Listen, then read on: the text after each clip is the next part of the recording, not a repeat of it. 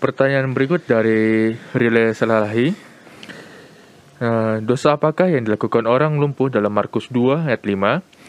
Sedangkan dia lumpuh, waktu Yesus katakan, dosamu sudah diampuni. Yesus menyembuhkannya. Saya bacakan pendeta.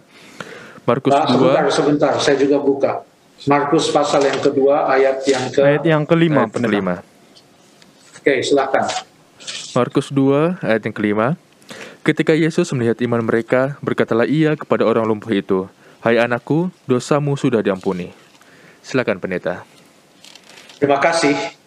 Yesus berkata ini kepada seorang yang lumpuh yang digotong oleh empat orang temannya lalu diturunkan di dalam tilam tepat di hadapan uh, Tuhan Yesus lalu kemudian Tuhan Yesus menyembuhkan uh, orang tersebut suatu peristiwa yang cukup fenomenal atap rumah dibuka dan orang menurunkan orang lumpuh ini untuk disembuhkan oleh Tuhan Yesus.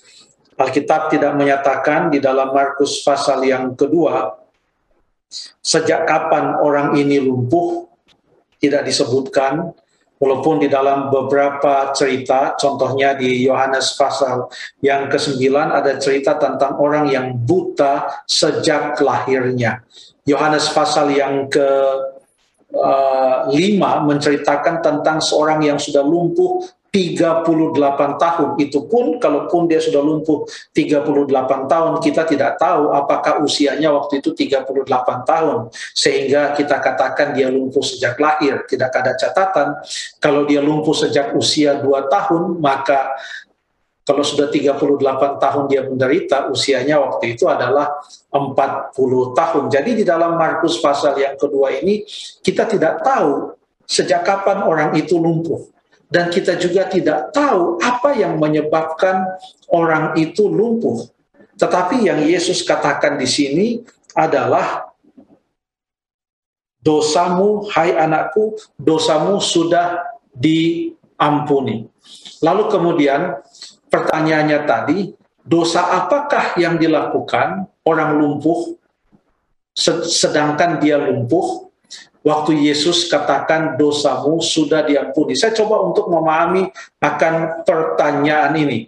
Apakah pertanyaan ini mempunyai asumsi bahwa orang lumpuh tidak mungkin bisa berbuat dosa sehingga dosa apa yang dilakukan oleh orang yang lumpuh hanya duduk setiap hari saya mohon maaf uh, membahas tentang orang lumpuh yang ada dalam Alkitab.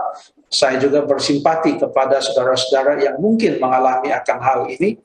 Jadi dalam pertanyaan ini dikatakan sedangkan dia lumpuh, dosa apa yang dilakukan orang lumpuh dalam Markus 2 ayat yang kelima. Uh, tentu kita tahu bahwa dosa itu terjadi bukan hanya pada saat seseorang bisa bergerak dan bisa berjalan ya Nah, dosa itu bukan hanya terjadi kalau seseorang bisa melakukan sesuatu dengan tangan atau dengan kakinya.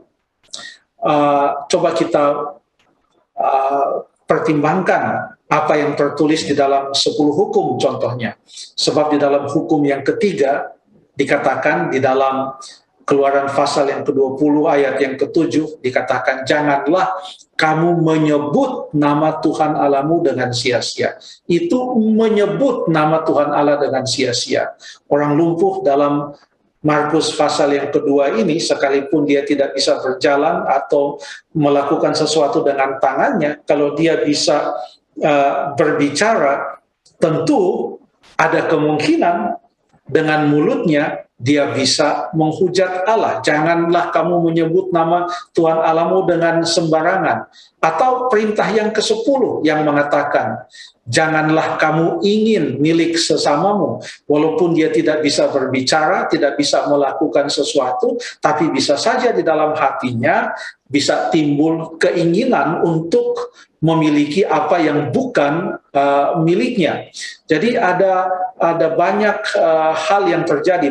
Markus juga mencatat apa yang Tuhan Yesus katakan dalam Markus pasal yang ke-7 ayat yang ke-20 mulai Yesus mengatakan apa yang keluar dari seseorang itulah yang menajiskannya. Sebab dari dalam, dari hati orang, timbul segala pikiran jahat, percabulan, pencurian, pembunuhan, perjinahan, keserakahan, kejahatan, kelicikan, hawa nafsu, iri hati, hujat, kesombongan, kebebalan, semua ini disebut dengan dosa.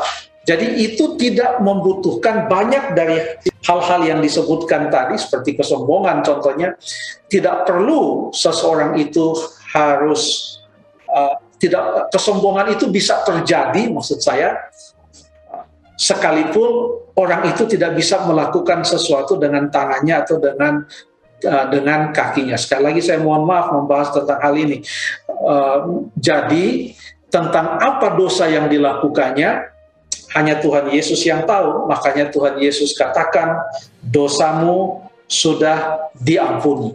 Yang Yesus berikan kepadanya lebih dari yang ia minta.